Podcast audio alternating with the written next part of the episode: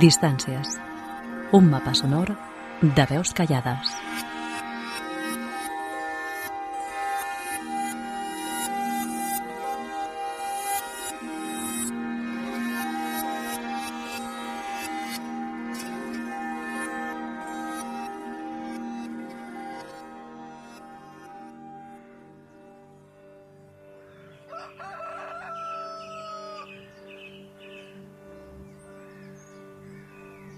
Hay mañanas que son como sábanas húmedas que nos pesan y nos impiden.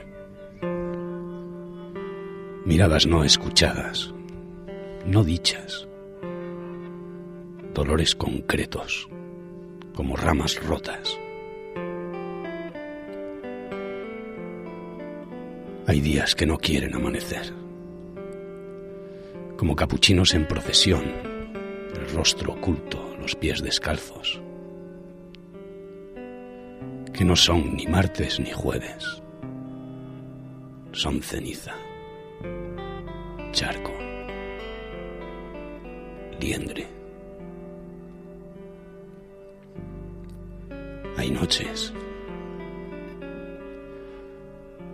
hay noches que son como un abismo al que sabemos que no hay otra opción que lanzarse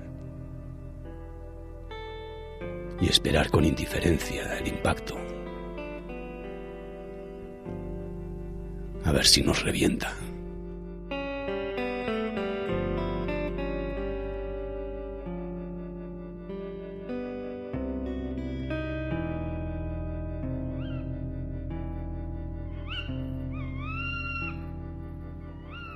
Que no siga la noche, que no siga que detenga su ademán de punzón hiriente, hambriento de dolor, fuego quedad, silencio. Parate ese cuchillo de hoja firme, hundido en lo más hondo de los corazones tiernos. No hay sueño, no hay posibilidad de concordia en un alma que se retuerce, atormentada en su reflejo de mil espejos. Así acontece en este instante, ya tiempo en el tiempo, en este silencio brutal que araña horas yertas y se disfraza después de esperanza, vida y caricia de viento. Que no siga la noche, que no siga detenerla y devolverla a su infierno.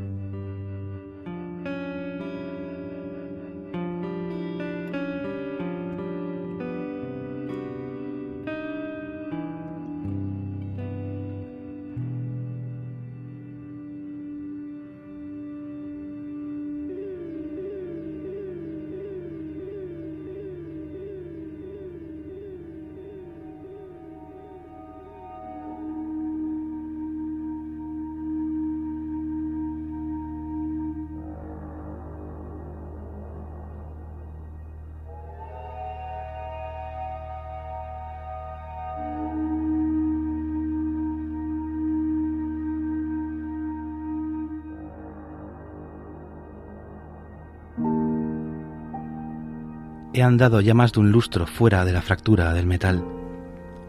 Mis manos vuelven a dibujar siluetas en la lluvia y en la luz. La sangre deja el azul para ser rojo horizonte en sus huesos. Creí que la náusea estaba fuera, pero el aire corroboró la existencia de la prolongación de los días, y la penumbra ya no trae belleza manchada de ocre neutralidad. He subido las siete colinas para desaprender los mandatos del equilibrio, la templanza y la palabra precisa. He integrado el sentimiento, la emoción y la amabilidad, dignidad de ser amado, para etiquetar a cada uno de los verdugos que habitan en mí.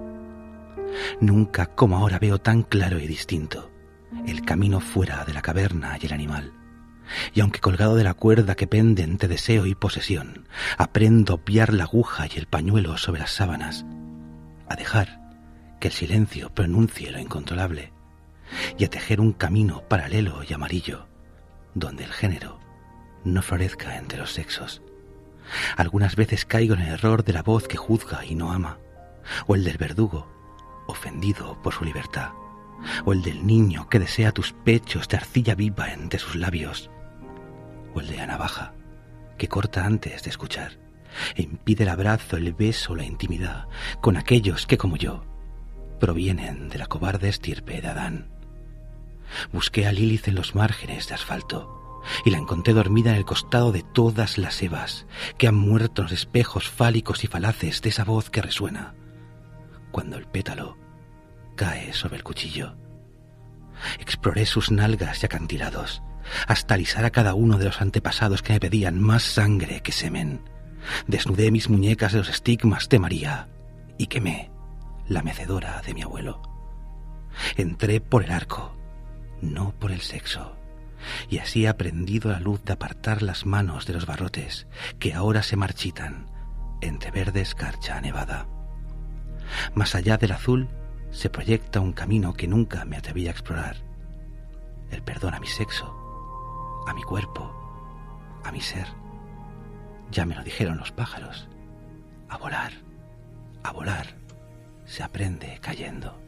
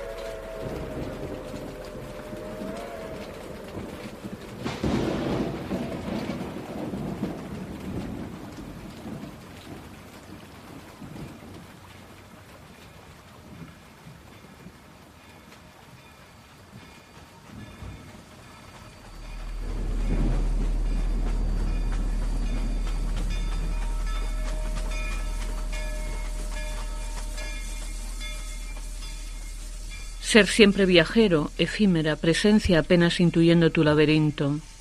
Aprender y desaprender, con el vértigo de la pérdida adherido a la huida, con el tiempo suicida, que ya no ha de volver. Caras veladas en la mirada negativo, sobreexpuesto, bloqueando por permanecer en la memoria lejana de los días lentos. Olvidaré vuestros nombres y aspecto, me perderé en las calles que supe andar dormido Ojalá pervivan las sonrisas y ese brindis de vida al cielo fundido.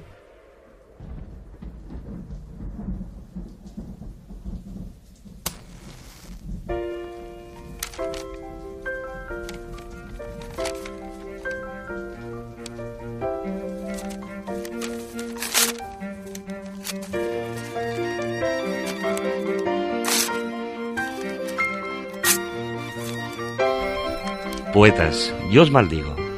Cual aves carroñeras habéis entrado en mi agonía, y cebándoos en mi futuro próximo cadáver, me desgarráis alma y corazón. Poetas, yo os maldigo, porque me ponéis ante el espejo de mis miserias, de mis dudas, de mis miedos y de mis contradicciones. Poetas, yo os maldigo, porque cuando quiero llorar, acompañáis mis lágrimas. Poetas, yo os maldigo, porque cuando quiero reír batís mi quijada. Poetas, yo os maldigo, porque cuando quiero amar, os entregáis a mí. Poetas, yo os maldigo, porque cuando quiero vomitar, removéis mis vísceras. Poetas, yo os maldigo, porque cuando quiero follar, me regaláis piel y recodos. Poetas, yo os maldigo, porque no me dejáis ni vivir ni morir en paz. Poetas, yo os maldigo, porque por vuestra causa no me queda otra que escribir. Poetas, yo os maldigo y os doy las gracias por obligarme a maldeciros.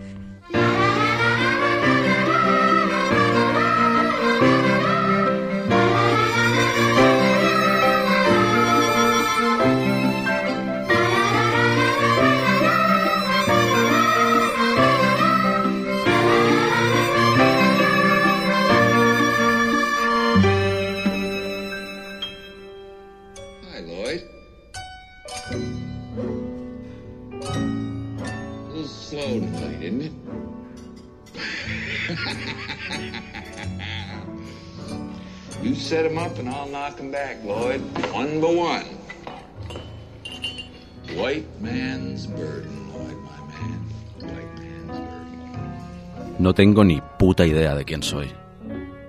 No tengo ni puta idea de lo que quiero. No sé qué hago yo solo en este bar, tomando una birra y leyendo unos versos de Bukowski. Creo que al menos se va a notar un poco su influencia en esta mierda de poema, aunque ni siquiera sé si llamar poema semejante porquería. Tan solo ando probando, jugando con diversos estilos de escritura. Mi esperanza, encontrarme a mí mismo tal vez, o simplemente paliar esta profunda desazón, ahogarla en un vaso de cerveza. Y podría estar gozando versos en alguno de los bonitos antros del Raval. O podría haber llamado a una amiguita a ver si mojaba el churro. Y si no, la compañía también me congratula. O simplemente retozar en el sofá con algún patético serial. Pero mire usted, hoy prefiero regodear mi ego en apatía, tomar un trago, escribir por puro placer, dejarme conducir renunciando a dirigir a mi propio pensamiento. Pues igual eso es lo que estoy haciendo yo solo en este bar, tomando una birra y leyendo unos versos de Bukowski. Igual esta mierda poema, que no sé siquiera si poema, no sea tan mierdoso poema al fin y al cabo. Creo que probar. Creo que jugar con diversos estilos de escritura mientras bebo una cerveza. Hombre, decir que me va a ayudar a encontrarme a mí mismo. Pero estoy empezando a divertirme. Ya no hay desazón alguna. Y aún estoy a tiempo de ir para el rabal. Aún estoy a tiempo de llamar a una amiguita a ver si mojo el churro. Y si no, la compañía también me congratula. Aún estoy a tiempo de... ¡El sofá que arda! Joder, ¿no estaba yo apático? Marta, ponme otra birra, por favor. ¡Guau! ¡Qué rica esta cerveza! Daré otro trago. Seguiré indagando destino y dirección de mi propio pensamiento. Estoy yo solo en este bar y me siento muy a gusto tomando una birra y leyendo unos versos de... Ya no sé ni qué coño estaba leyendo. ¿Y qué si lo que escribo es una mierda poema? Mira esta sonrisa. Me encanta jugar. Cuando me apetece, claro. Y en un antro del rabal gozando versos, o mojando el churro con una amiguita, y si no, la compañía también me congratula, retozando en el sofá escribiendo, ¿qué importa mientras me ría? Creo que mi pensamiento me ha conducido a una especie de bucle espacio-temporal birrero. A ver cómo salgo de aquí y acabo esta mierda de poema, relato pelotera, tontería. No tengo ni puta idea de quién soy. No tengo ni puta idea de lo que quiero. Pero ¿sabéis qué? ¿Qué cojones importa si todo esto trataba de alegría? I love the little son of a bitch. I'd do anything for him. Any fucking thing for him.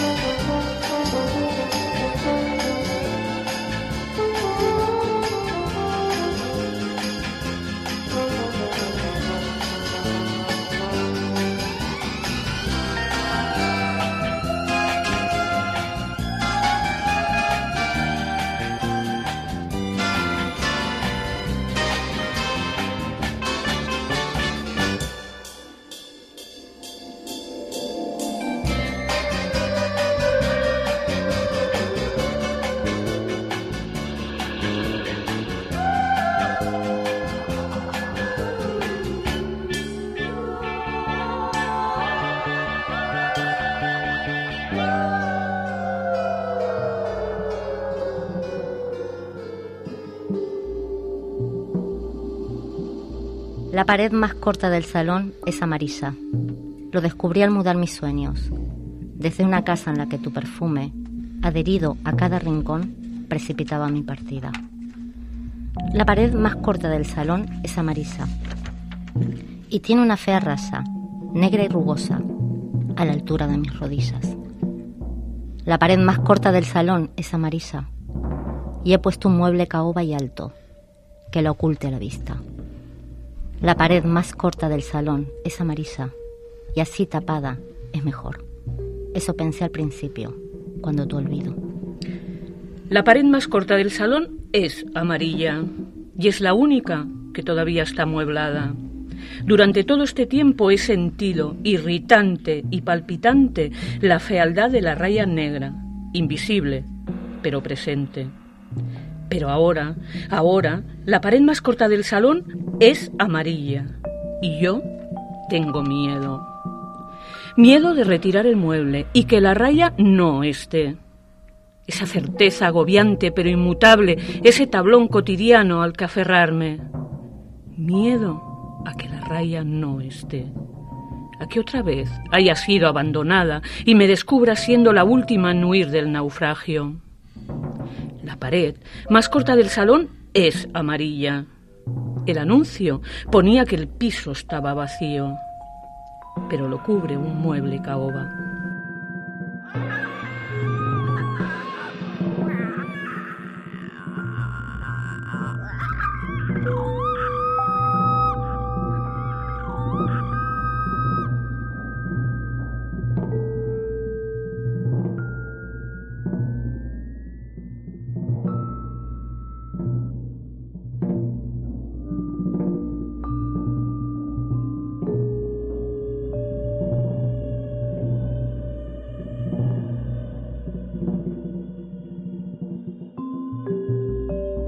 Me sujetaron la gabardina que olía a cebolla.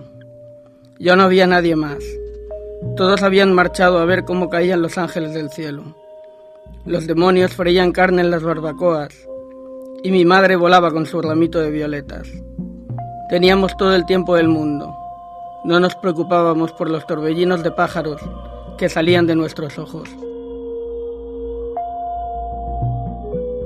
Soledad,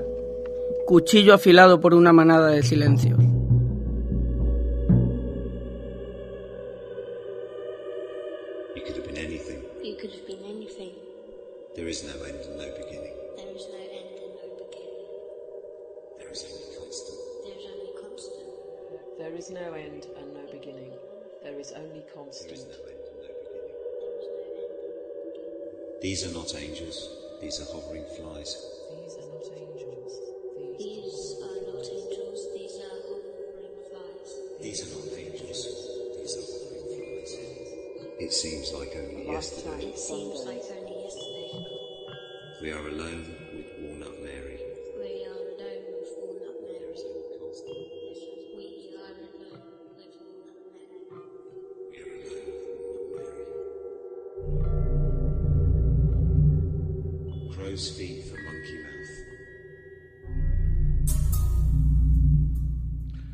Sorbo trago a trago el tiempo que discurre, lento, pero contundente, entre el tic de mi vida y el tac con que amenaza la muerte. Y diluyo cada frase que habla de enterrarnos en el lodo, cada ausencia que hunde con vacíos la suerte que un día nos condujo a estar vivos. Y me enfrento en tímidos intentos al miedo. Miedo, miedo a sentirnos solos en medio de la gente, miedo a escuchar solo nuestras palabras, miedo a que todos seamos solo uno, miedo a la indiferencia que nos asusta en cada giro, miedo a tener miedo del miedo, miedo a pronunciar la palabra miedo y sentir el eco perenne de esas letras sin salida que se encierran en mi cuerpo y me desgastan, me oprimen, me ahogan en las aguas del destino insurgente me impiden, me limitan, me suicidan y solo siento el miedo.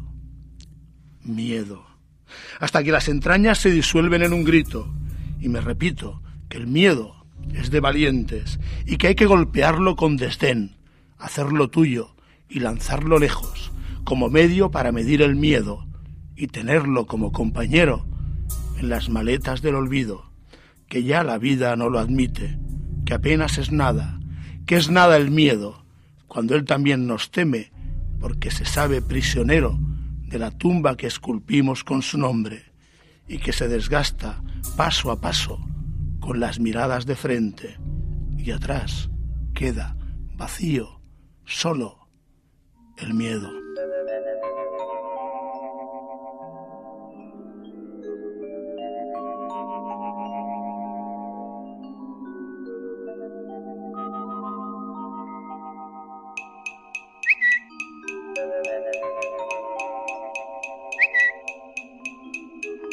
Once pequeñas letrillas políticas a ritmo de tweet y una postdata. Primera, una revolución también es dar una vuelta sobre un eje, volver pues al mismo lugar. Para este viaje no hace falta alforjas, decía mi abuela. No las llevaban los burros en la noria. Perdón si a alguien he ofendido. Segunda, hoy he monologado con un amigo que piensa diferente a mí. Qué feliz me hace regresar a casa sin haber aprendido absolutamente nada. Tercera, tanto buscar gobierno. Pues yo abogo por el desgobierno. ¿Quién se apunta al disloque? Quizás por una vez a río revuelto ganemos los perdedores. Cuarta.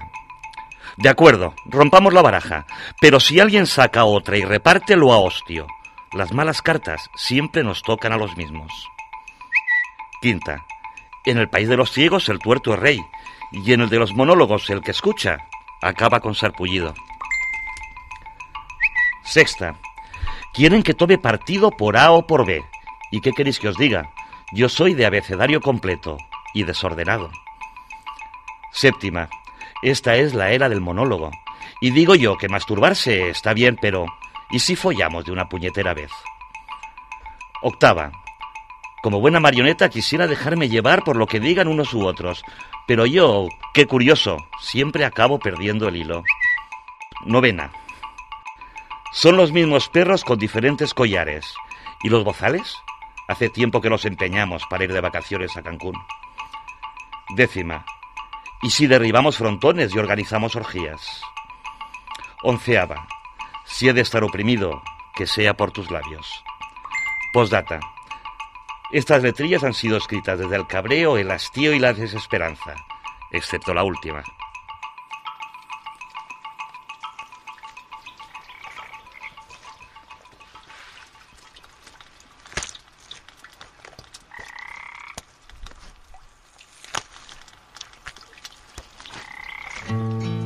Caminan ranas por las aceras de esta lluvia gris. Cuatro gatos sentados en un callejón maullan un blues, mientras dos perros ciegos arañan las cuerdas de una guitarra y un bajo, donde las canciones se sienten como los poemas de amor de Pessoa, ridículas, en las manos blandas de las blandas pantallas que avanzan por la lluvia gris. Las gotas ondulan entre los árboles que ramas como pentagramas inician la banda sonora de este triste día de colores. Besugos, atunes y algún bonito caminan por la lluvia, mientras un caimán puntea las notas de algún rock con sabor a hojalata, sudor y soledad, y sonrientes payasos anuncian su próximo número en el Congreso cuadrianual. Panteras, erizos e hipopótamos danzan en la espera de la navaja anunciada por el reloj que miente, y que utilizan como azuzador de ansiedad las llenas pulpos y jabalíes que planean desde el otéreo, el baile que sucede cada día, trabajar, gruñir, comprar, comer, dormir.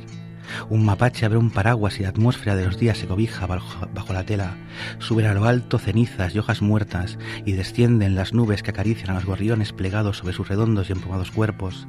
Balancean las hojas de un castaño por la discusión de dos ardillas sobre la disolución de la asamblea de glucofóbicos, ahora que según una de ellas estaban en su mejor momento con esto de que los pingüinos aprendan al calor de la palabra helada y las tortugas por fin han aceptado ponerse gafas de cerca para leer las líneas de sus conchas.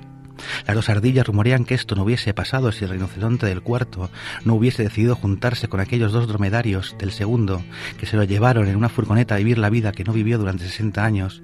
Ya me dirás tú, que era ese pobre rinoceronte en el desierto, y las dos ardillas se santiguan. Sube la música al ático con terraza de un oso polar que decidió mudarse del frío, porque los atardeceres junto a las palomas cobijan más que el viento de las dunas heladas. Mientras la música trepa por los muros de las casas, alguien deja una moneda en la gorra de una luciérnaga. Que este invierno podrá pasarlo en la casa de una mariposa que conoció en el psiquiátrico para animales apagados de las afueras. En el mercado alguien grita y los pavos, gambas, ñues y cocodrilos, turistas, todos ellos, ven como un ratón con la cara manchada de lágrimas corre con un pedazo de queso. Horas después podrá secarse la cara con la sonrisa de sus catorce hijos y el ratón pensará para sí, ojalá nunca hubiésemos dejado que las ratas tuvieran acceso a las alcantarillas y las ranas que caminan por las aceras de esta lluvia gris piensan que la intemperie es una extraña manera de abrazarse cuando el cielo nos deja solos y nos hace danzar al ritmo de esta ciudad nómada que cala como incendio en el alma.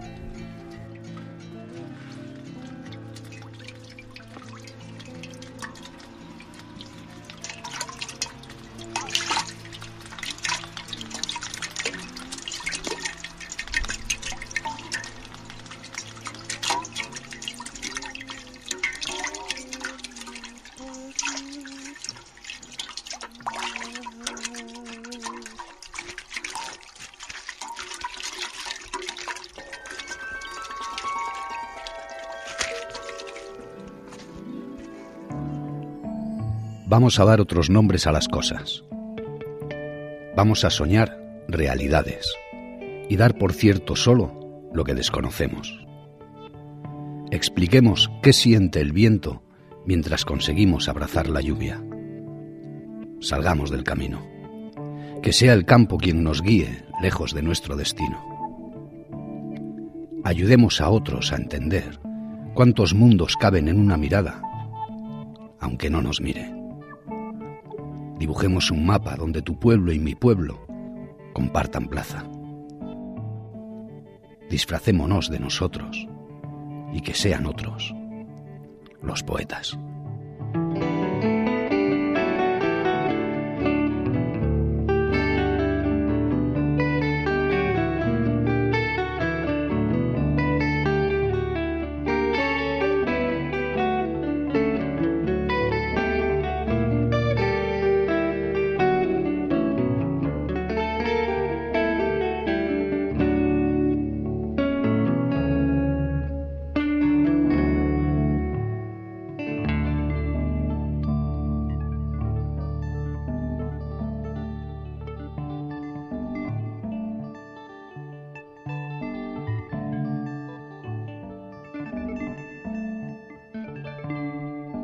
Paseando por las calles de Adís, percibes la vida en su color y dolor más puro.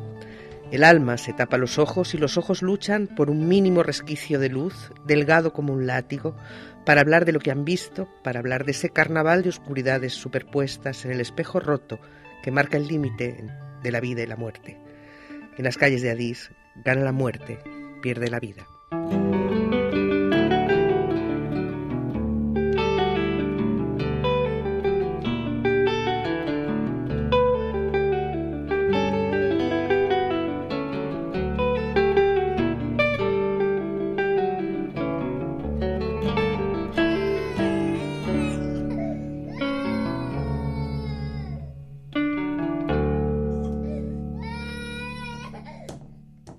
Ha nacido. Ella ha nacido. No importa quién fueses, qué hicieras o en qué creyeses, ella ha llegado. Fue un parto complicado, doloroso, pues ellos lo presienten, presienten el peligro, su pronta destrucción, diluirse entre las nieblas y el polvo de los siglos. Ellos están viejos, decrépitos, decadentes y corruptos. Tienen miedo.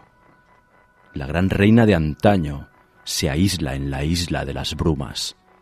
El nuevo emperador reuniendo partidarios en su enajenada locura. La señora de las tierras del glorioso occidente y sus no menos ilustres vasallos, refugiados en el centro del ombligo de la raza. Mientras, los esclavos comenzamos a quebrar las cadenas oxidadas, despertamos del ensueño, nos alzamos en la oscura caverna, regresamos del eterno viaje por el mundo encantado de Maya. Ella ha nacido, engendrada aquí, en el centro de esta historia, pero ella, como ellos, como el relato discursivo de toda tradición, posee sus propios ritmos, sus propios ciclos de tiempo estructurado. Ella ha nacido, pero debe ser velada, protegida del torrente de las furias mientras crece, como Horus oculto entre los juncos, como Moisés abandonado en un canasto, como Cristo en el Egipto de los grandes reyes, ella debe ser preservada. Ella ha nacido y disolverá la antigua diferencia entre ellos y nosotros, unirá todos los pueblos bajo la única bandera que importa, la empatía. Y una gran diferencia. Esta vez, esta vez es ella. Ella, no él. Ellos. Los estados nacionales. Viejos, decrépitos, decadentes, corruptos. Presienten su propia muerte.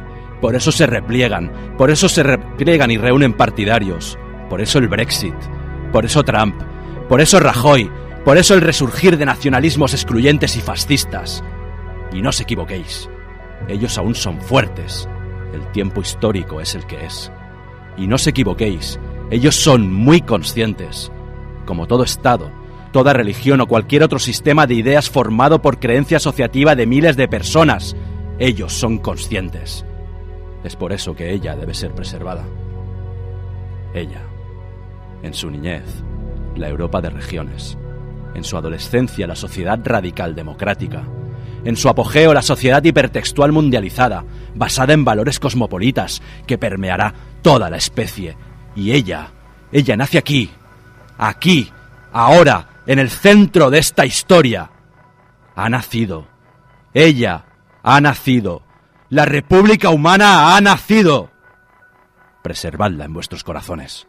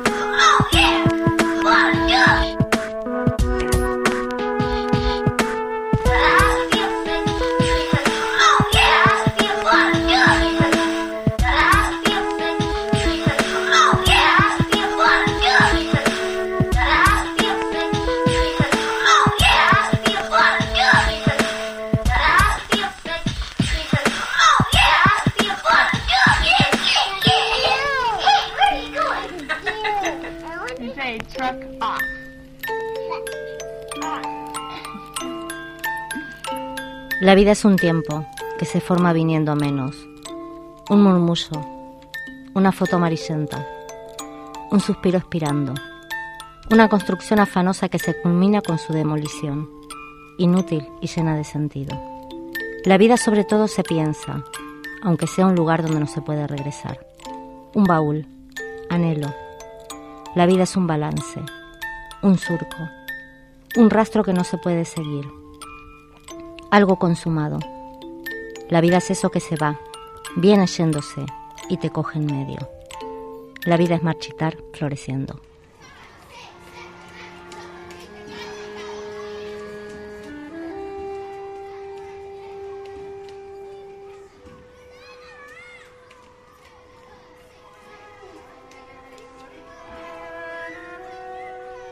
Todos los viernes, de camino a la escuela, compraban en el kiosco una tira de cromos y un chicle de premio. Era, sin lugar a dudas, el mejor día de la semana. Aguardábamos, expectantes, la salida al recreo para apostar los cromos nuevos y pegarnos en el reverso de la mano la calcomanía que traía el chiclet de premio. Eran personajes de las series que pasaban por televisión, cantantes de moda y superhéroes de los cómics. Koyak, Orzoway y el Jabato agarrados a nuestras infantiles pieles, una semana, hasta el siguiente viernes. Envidiaba a los niños que compraban a diario, nosotros solo los viernes, porque la avaricia era un vicio siempre ajeno. Mi compañero de pupitre me preguntó una mañana ¿Quién eres? señalando mi brazo. La morena de los ángeles de Charlie, respondí. Yo Tarzán, resolvió él. Entonces tomó mi mano y frotó su calcomanía contra la mía. Estábamos haciendo un hijo, me susurró. Sonreí excitada, tapándome el gesto con la mano, mientras con la otra seguíamos rozándonos agitadamente. Desde ese día nos buscábamos sin descanso, deseosos de que la suerte nos regalara personajes aptos para la creación y poder frotarnos y hacer hijos. Nos excitaba esa fricción. Acordamos que nuestro encuentro fuese solo los viernes antes del recreo, para no borrarnos las calcomanías y poder lucirlas sin daño el resto de la semana. Algunos viernes podíamos hacer hijos, porque él era Leif Garrett y yo Laura Ingalls. Pero otras veces pasaban semanas enteras sin poder tocarnos. Nos añorábamos en secreto, como animales en celo, ansiosos por celebrar nuestro hallazgo, una y otra vez. Así educamos el deseo. A mitad de curso la moda de las calcomanías pasó y todos bailaban peonzas en el patio. Nosotros dejamos de hacer hijos. Pienso en estas cosas cuando ando trajinando en la cocina y tú llegas, invistiéndome por la espalda, y pegas tu sexo a mí, mientras palpas por debajo de la blusa mi cintura y susurras el anuncio de un futuro dichoso. Hoy es viernes, me dices. Somos hijos de padres obreros, no hemos sabido corregirnos eso. Nos gusta pasear por el barrio, comer paella los domingos y follar los viernes. Sobre todo, follar los viernes, hasta borrarnos las marcas de piel. La avaricia, aún hoy, sigue siendo un placer siempre ajeno.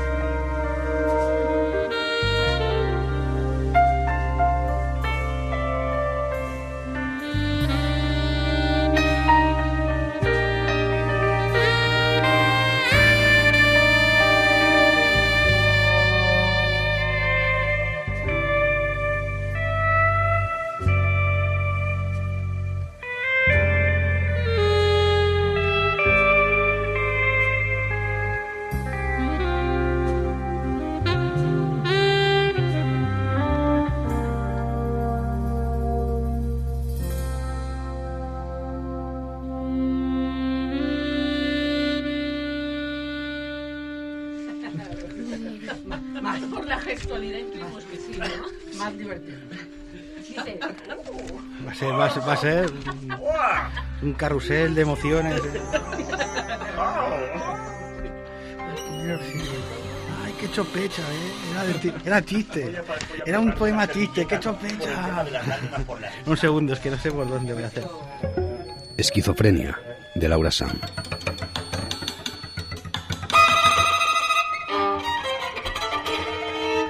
Acostumbrarse a la pequeña muerte del paso de cebra. Pararse en verde, habituado al rojo.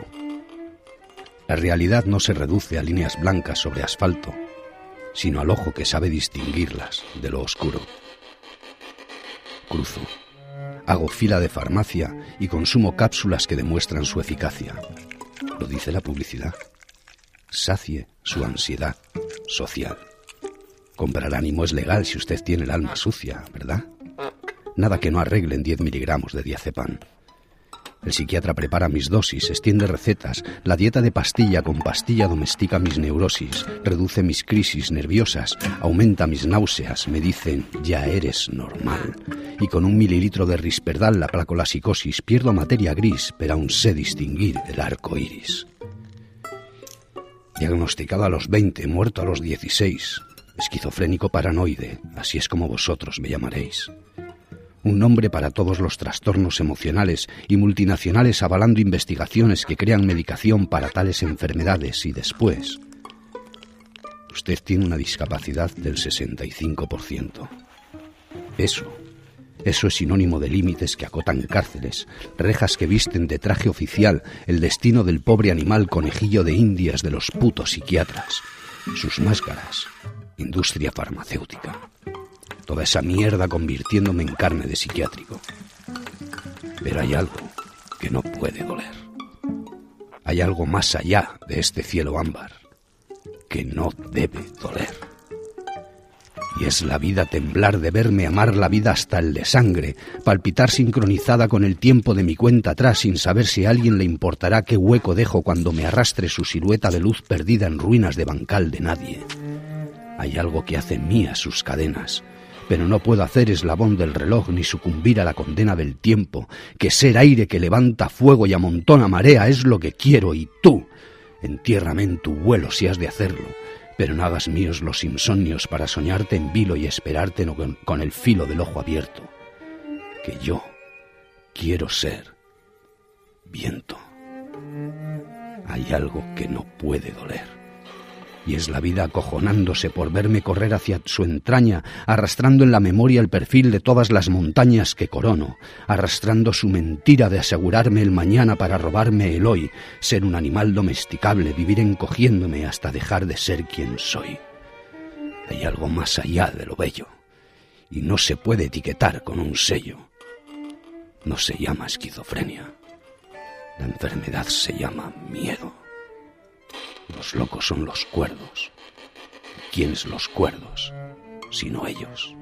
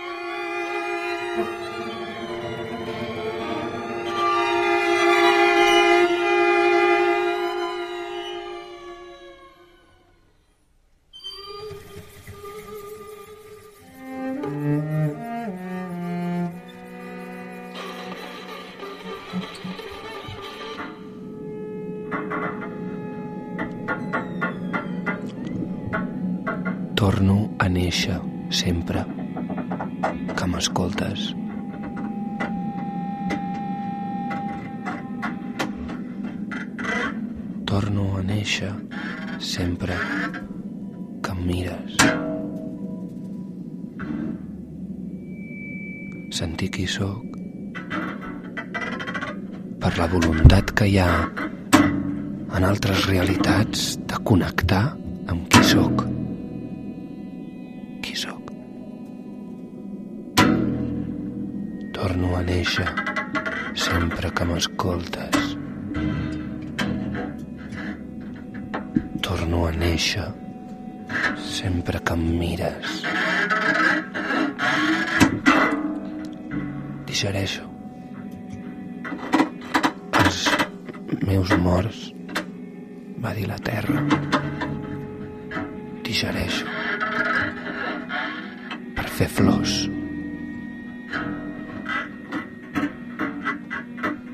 Efectes secundaris inesperats. Que imponent parar atenció a aquestes coses. Que imponent parar atenció a aquests sorolls.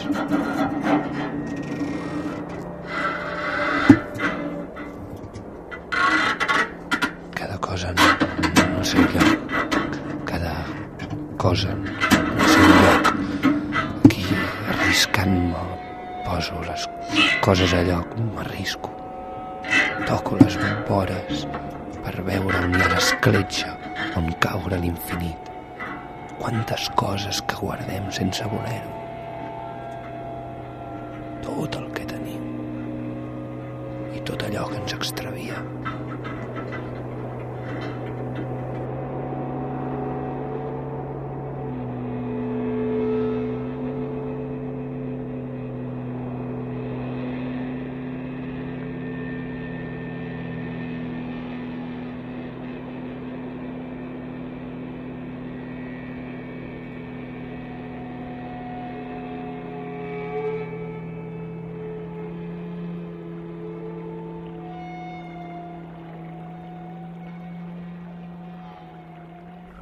Tinieblas fueron los arrecifes, donde un día un pájaro nido.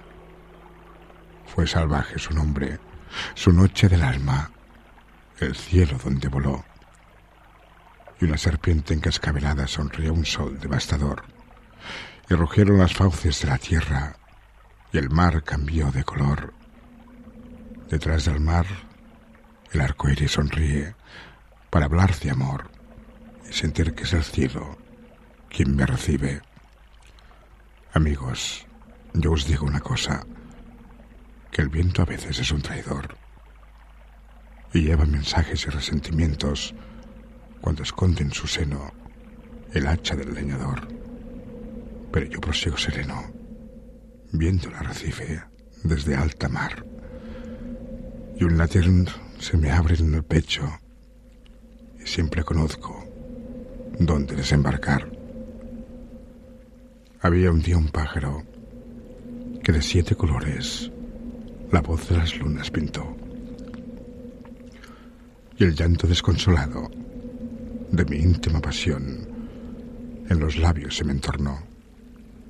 Gracias amigos por escucharme, pues mis labios ahora llevan la canción, la que aprendí en una cuna de aguas verdes, cuando mi sábana de niño era una constelación.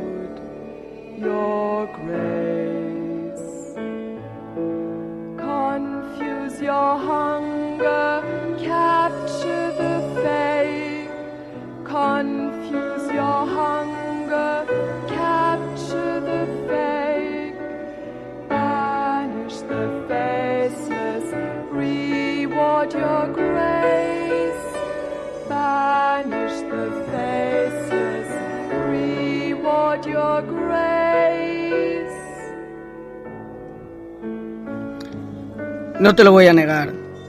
He llorado la lluvia que se evaporó en el asfalto y me he secado a la sombra de la hipotenusa de aquel abrazo lejano. He recogido del suelo los cristales rotos del pretérito imperfecto del verbo amar. He soñado despierta.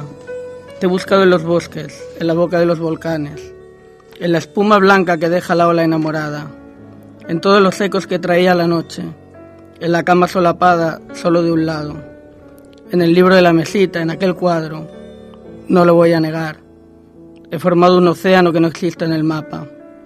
He danzado con lobos feroces y caí por el barranco, exhausta de tanto reclamo, hasta que sedienta de aire, de cielo estrellado, a la orilla de mis pies, Ahí donde comienza el camino, donde entre dos montañas se oye el latido, justo ahí te encontré.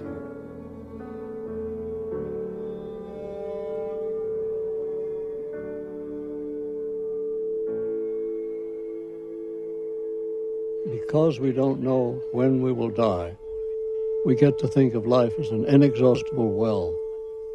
Yet everything happens only a certain number of times, and a very small number, really. How many more times will you remember a certain afternoon of your childhood? Some afternoon that's so deeply a part of your being that you can't even conceive of your life without it. Perhaps four or five times more, perhaps not even that.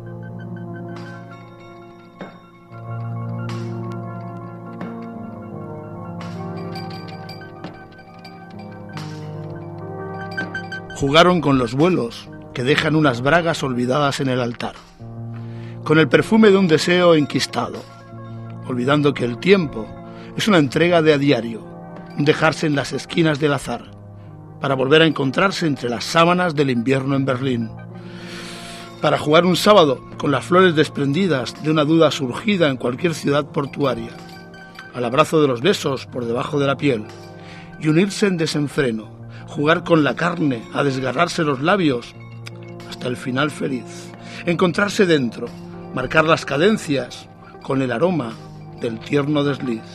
Un aquí estamos, y bajar las manos, extender el cuerpo y sentir, sentir que la sangre fluye, que el deseo no se detiene, sentir que el sexo solo es sexo y algo más, sentirte cerca y lejos, reflejarnos en las caricias de otros cuerpos, sabernos con el lenguaje descarado de la búsqueda precisa, del encuentro con tus ojos, bajar la lengua, mirarnos los dedos y señalar el camino hacia tu cuerpo, y suspirar en un orgasmo conjunto y abandonar de nuevo las prendas en el altar. Dos, no una, y la piel que reclama otra vez tu piel. Hey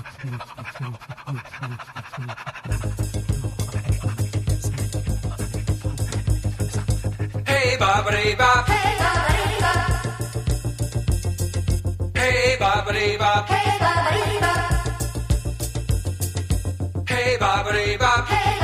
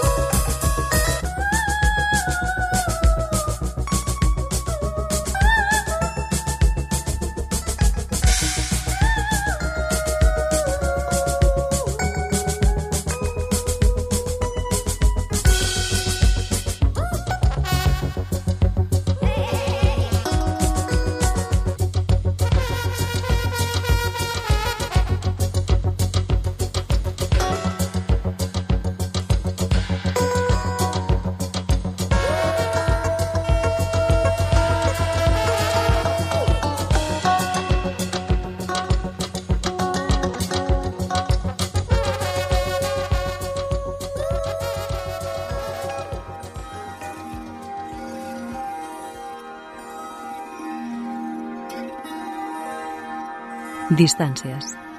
Un mapa sonor de veus callades.